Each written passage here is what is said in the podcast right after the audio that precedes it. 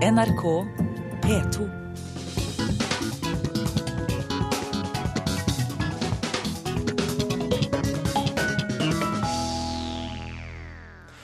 Vi har et uh, kvarter igjen av sendingen denne fredagen, og det betyr jo da Fredagspanelet, som sagt. I dag bestående av forlegger Arve Juritzen, kulturredaktør i Fevennen Karen Kristine Blågestad og kritiker og kulturkommentator, som vi nettopp hørte her i sendingen, Inger Merete Hobbelstad. Velkommen alle sammen. Takk. takk, takk. Formen er god. Å, ja. Strålende sommervær. Ja, det er strålende sommervær. Det vet jo de som har vært ute. Det vet jo ikke vi her som jobber inne. Ehm, du får bare kaste deg på, Karen Kristine. Du sitter jo da i Kristiansand, så vi ser jo ikke når du rekker opp hånden. Nei, jeg kaster meg på. Ikke noen sånne, ikke ikke noe sånne flink pike-tendenser der, nei. Kast deg på. Vi er jo midt i valgkampen, og denne uken ble det hevdet at uh, valgkampen er blitt mer amerikanisert. Valgforsker ved NTNU, professor Anders Todal Jensen, hevdet det, og påpekte at uh, selv det, i det politiske miljøet så er man litt forskrekket over uh, personangrep og drittslenging, at det har blitt en del av den norske valgkampen. Vårt spørsmål er, har vi blitt amerikanisert også på dette feltet, Blågestad? Nei. Arbe. Nei. Ja. Inger Merete Hobbelstad. Har vi blitt. Hvorfor? Altså, det, de siger jo i hvert fall i den retningen. Altså Med den siste debatten som var nå knyttet til lederegenskaper til de forskjellige statsministerkandidatene. Eh, hvor man så vidt eh, begynte å plukke litt borti 22.07, og det ble jo selvfølgelig vanskelig. Det er jo, kompliserer også saken at vi faktisk nå har et nasjonalt traume som man ikke helt vet hvordan man skal bringe inn i debatten. I motsetning til hva man hadde med sist eh, stortingsvalg.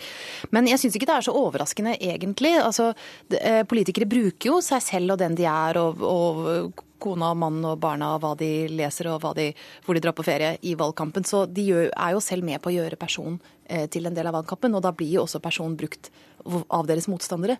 Eh, så det er på en måte litt sånn at, litt sånn at det ene tar det andre, her av bordet fanger litt. Blågestad?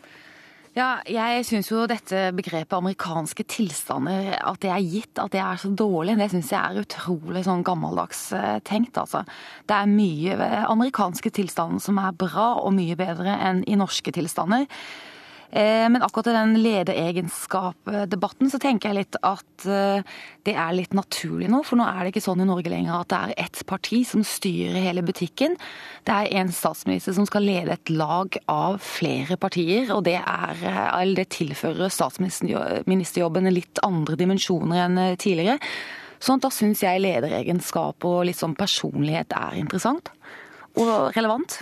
Arve Juritzen, eh, utelukker du at eh, de veldig den veldig intensive dekningen av amerikansk valgkamp siver inn i norske politikere også?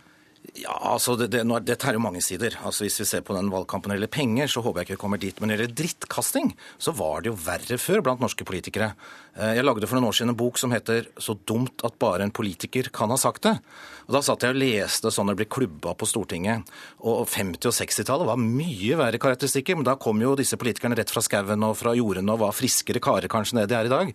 Men det var ikke småtteri som de kalte hverandre. Så dette er ikke noe nytt. Altså, politiker... Husker du noe av det? Nei, jeg satt nå desperat prøvde å lete litt i hodet mitt, men det var altså langt verre karakteristikker altså i, i sånn, hva skal jeg si, som gikk på utseende, som gikk på kvalifikasjoner, og friskere språk, rett og slett. Eh, ikke så langt som det britiske parlamentet, hvor jo er helt andre drittslenginger. Men eh, politikerforakt har politikerne skapt selv, og det har de holdt på med ganske lenge. Eh, altså, nå er det også verdt å nevne at I USA går det selvfølgelig mye lenger eh, enn noe vi har sett her. Der har man jo også denne myten, eh, litt sånn som stammer fra denne gamle filmen med Jimmy Stewart, 'Mr. Smith Goes to Washington', at, at den politikeren som har det med å slå an, ofte den som kommer utenfra, fra landet, som ikke er en del av etablissementet, ofte tar med seg løfter om å forandre ting, om å bringe sunt folkevett inn i politikken eh, osv. Og, uh, og hvor markører for f.eks. Eh, at du tilhører en eller annen elite, er veldig sånn, blir plukket opp med en gang og brukt for alt det er verdt. Og, og det er en uheldig ting, og det, det får vi håpe det ikke kommer så langt her. Jeg husker det ble gjort en egen sak ut av at Obama hadde bestilt ruccolasalat sammen med at uh, John Kerry Det er fisefint. Ja, ja, ja. Og at John Kerry hadde bestilt noe med Dijon-sennep på et eller annet punkt. Og da var det plutselig egne, egne overskrifter, og liksom betyr dette at han ikke forstår alminnelige amerikanere osv. Så, videre. eh, så det går jo ned på et sånn absurd markørnivå da, når det gjelder klassetilhørighet og hvilke miljøer man vanker i. Det har vi jo ikke sett. Men, det hadde vært veldig gøy i den grad. Og så er det jo mye ufrivillig humor, syns jeg, som dette ender opp i. Eh, jeg kom på en nå fra boka som ikke er en drittslenging, men altså det er en av mine favoritter, Jens Stoltenberg, som gikk ut og sa 'jeg lover ingenting i dag, og det skal jeg holde'. Ja. men hvis norske men, politikere blir så flinke til å slenge dritt som de gjør i England, så er jo det et gode. Det hadde jo vært kjempegøy. da er det greit. Men, men Blågestad, hva er det du vil ha fra den amerikanske valgkampen, da, hvis, eh, hvis det er bra ting der? Nei, Akkurat for den amerikanske valgkampen så vet jeg ikke om det er så veldig mye bra, men eh, i USA så er det jo et eh, fantastisk og bastant vern om ytringsfriheten, f.eks. Enormt mange nasjoner som er skramla sammen i et land og, og tross alt lever nokså fredelig. Altså amerikansk tilstand, eh, det er mye bra.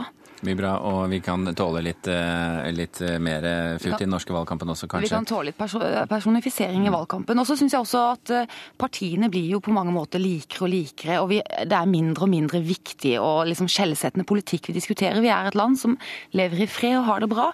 Sånn at personlige forskjeller kan være noen av forskjellene når, politikken blir så lik. Vi, vi konkluderer dette temaet her, skjønner du, Arve Juritzen, ja, dessverre. Så du skal snakke om mobbing, jeg, jeg syns det er litt alvorlig. ja. Politikerne går foran ja, Nei, det, det, får, det, får, bli ved, en, ved, neste korsvei. Vi skal til spørsmål nummer to, hvis vi skal rekke de to vi har igjen. Investor Arthur Buchardt hevdet eh, denne uken at mediene må være forsiktige med saker om protestgrupper på sosiale medier. Bakgrunnen er et 60 meter høyt hotell eh, i Tromsø som Buchardt har tenkt til å sette opp.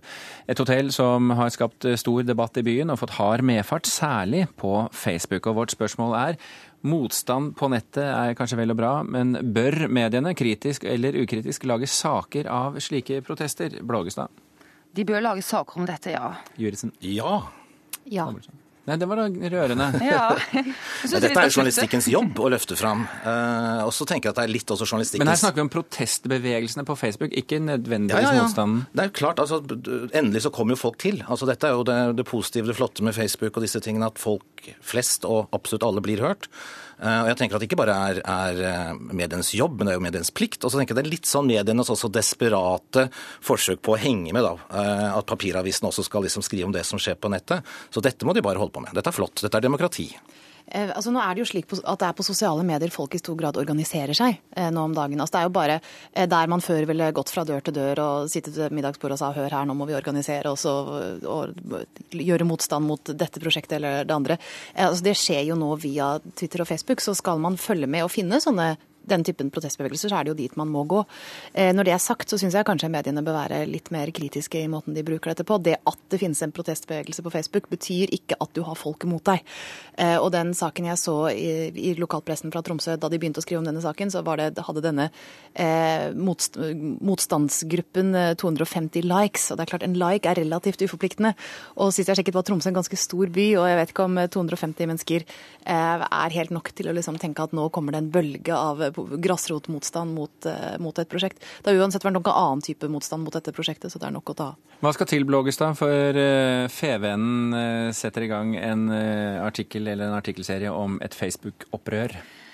Nei, altså jeg tenker jo at, eh, som de har vært inne på disse andre, at det er jo veldig lett å like en eller annen bevegelse eller en ytring på Facebook, så man skal på en måte ikke la det være tungen på vektskålen alltid. Jeg syns vi skal skrive om det, men være veldig flinke til å fortelle hvor stort eller hvor lite det er.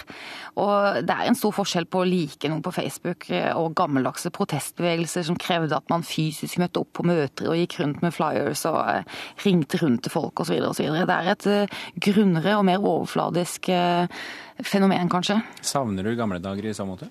Nei, jeg gjør jo ikke det. Det er jo veldig demokratiserende. Det er det jo absolutt. Jeg tenker på Det er ikke så mye som skal til. altså Vi som jobber i media, og vi vet jo det at hvis vi får to telefoner, ja, så er det seer- og lytterstorm. Så 25 likes eller 250 likes er jo fantastisk i sånn seerstormsammenheng, da. Du som er god med tall, Juritzen, hvor mye er 250 av 80 000 innbyggere? Og er det ikke fredag nå? Skal vi se neste tema. Det var ja, okay. Nei, vi lar det være. Igjen, altså. ja. det veldig dårlig. Ja. Men hvor stor, hvor stor, skal en eh, Facebook-side være før det er verdt å ta hensyn til, eller før det blir en folkebevegelse? Ja, nei, det er det. Vi får... Det kommer hvor an på Stor, det er profesjonalt. Det vil jo komme an på hvor andel av meningsberettigede folk som blir rammet. Jeg er litt ned på sånn nitty-gritty-nivå nå, og jeg tar skylden for det selv. Men vi eh, setter strek og hopper over til siste spørsmål for dagen. Eh, for denne uken så skrev Agnes Kittelsen, Morten Abel og Roy Jacobsen blant andre, og flere flere profilerte kulturfolk under på et opprop for en fortsatt rød-grønn kulturpolitikk, og mot særlig Fremskrittspartiet, men også en borgerlig eh, regjering. De kalte oppropet for Kulturkampen, en slags revival fra forrige valgkamp. Og de ble ganske raskt, som mottakere av kulturstøtte, kritisert for å være i lomma på regjeringen. Og vårt spørsmål er, var det klokt av de som skrev under å legge press på velgerne på denne måten, Juritzen? Uh, nei. Hovelstad? Ja. Blågestad? Nei. Ja, da er vi tilbake til der vi var, Obelstad. Du er den uh, uenige. Ja, altså, med litt forbehold, altså Hvor klokt det var, kan man jo eh, lure på sånn sett. Men jeg syns det er helt, helt, fint, helt greit at de gjør det. Jeg ser ikke at det er så veldig annerledes enn når andre yrkesgrupper går ut og forteller hva de mener konsekvensen vil bli for sitt felt, sin yrkesgruppe, med den, og den eller den ene eller den andre politikken. Altså, vi har Fra før så har vi jo miljøvernorganisasjoner som går ut med og sier hva de hva som vil bli, hva som vil skje hvis det ene eller det andre partiet Eh, blir stort eller lite, eller hva slags eh, regjering som kommer. Eh, så at, at yrkesgrupper, fagfolk, går ut og liksom mener at det vil bli uheldige konsekvenser av en borgerlig regjering, altså uten at jeg selv personlig tar stilling eh, til det. Eh, det syns jeg er helt greit. Og så er det selvfølgelig sikkert folk som er uenige med det. Og så kan de komme og si sine ting, og så har vi et offentlig ordskifte og noe som heter demokrati. Og det har jeg hørt er en fin ting. Og fredagspanel. Å ja. Nei, men altså, uh, uklokt var det jo fordi at jeg tror neppe denne gruppen hadde trodd de skulle bli kledd så kliss nakne. Altså, nå har vi da fått uh, lest Aftenpostens artikkel om frontmann her, Arnfinn Bjerkestrand, som jo sitter i absolutt alle råd, som er hånda på alle kulturpenger, som er medlem av Arbeiderpartiet og nestleder i Norsk kulturråd. Det var vel ikke så klort, kanskje å kle av han alle klærne og vise at dette er en bitte liten gruppe som sitter litt sånn og karrer til seg sjøl. Så uten at vi igjen skal snakke politikk, så tenker jeg kanskje det kan være smart at det kommer noen andre øyer som ser litt på hvordan kulturpengene brukes. Kanskje kan det komme andre grupper for en gangs skyld til gode. Blågestad, du ser dette fra noen ja, 35 mil ned, ned sør for Oslo. Hvordan ser det ut derfra?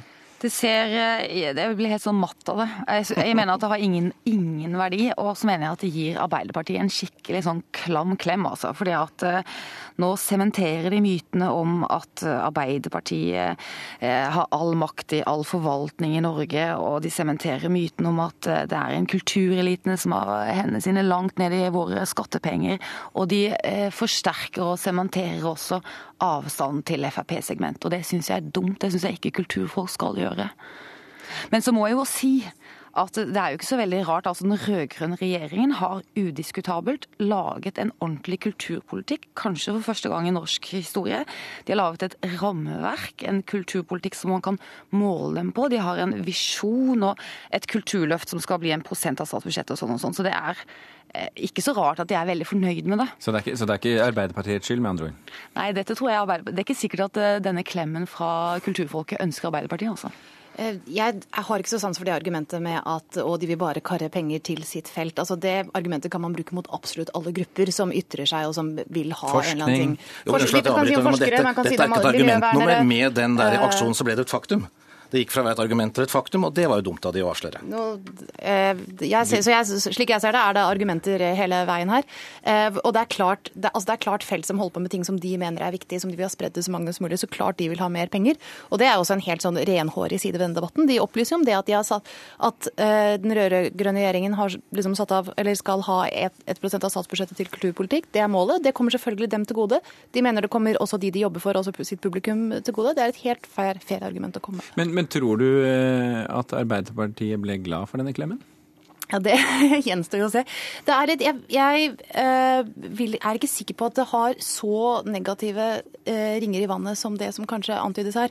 Jeg har en slags oppfatning av at folk er glad i kultur. Uh, det er jo, altså, I forhold til visse kultur, opera, teater, så knytter seg visse fordommer til det. Men folk liker jo konserter, jo, folk liker biblioteker. Vi kan jo være glad i kulturen, men mene at den kanskje skal spres litt. Mm. Ja, men dette går jo på f.eks. hvor stor andel av ja, Vi snakker ikke politikk nå, nå snakker vi denne aksjonen som jeg er enig i at er en utrolig klam klem, fordi den kledde et system nakent. Jeg er også helt enig i at eh, de blå av forskjellige sjangre har jo ikke vist noe initiativ i kulturen i valgkampen, og det bør skjerpe seg på. Vi lar det stå som eh, siste utsagn i dagens eh, fredagspanel fra Arve Juritzen. Tusen hjertelig takk også til Karen Kristine Blågestad fra vårt studio i Kristiansand, og Inger Merete Hobbelstad her også i studio på Marienlyst. Vi takker for for følget i dag i Kulturnytt. Hør flere podkaster på nrk.no podkast.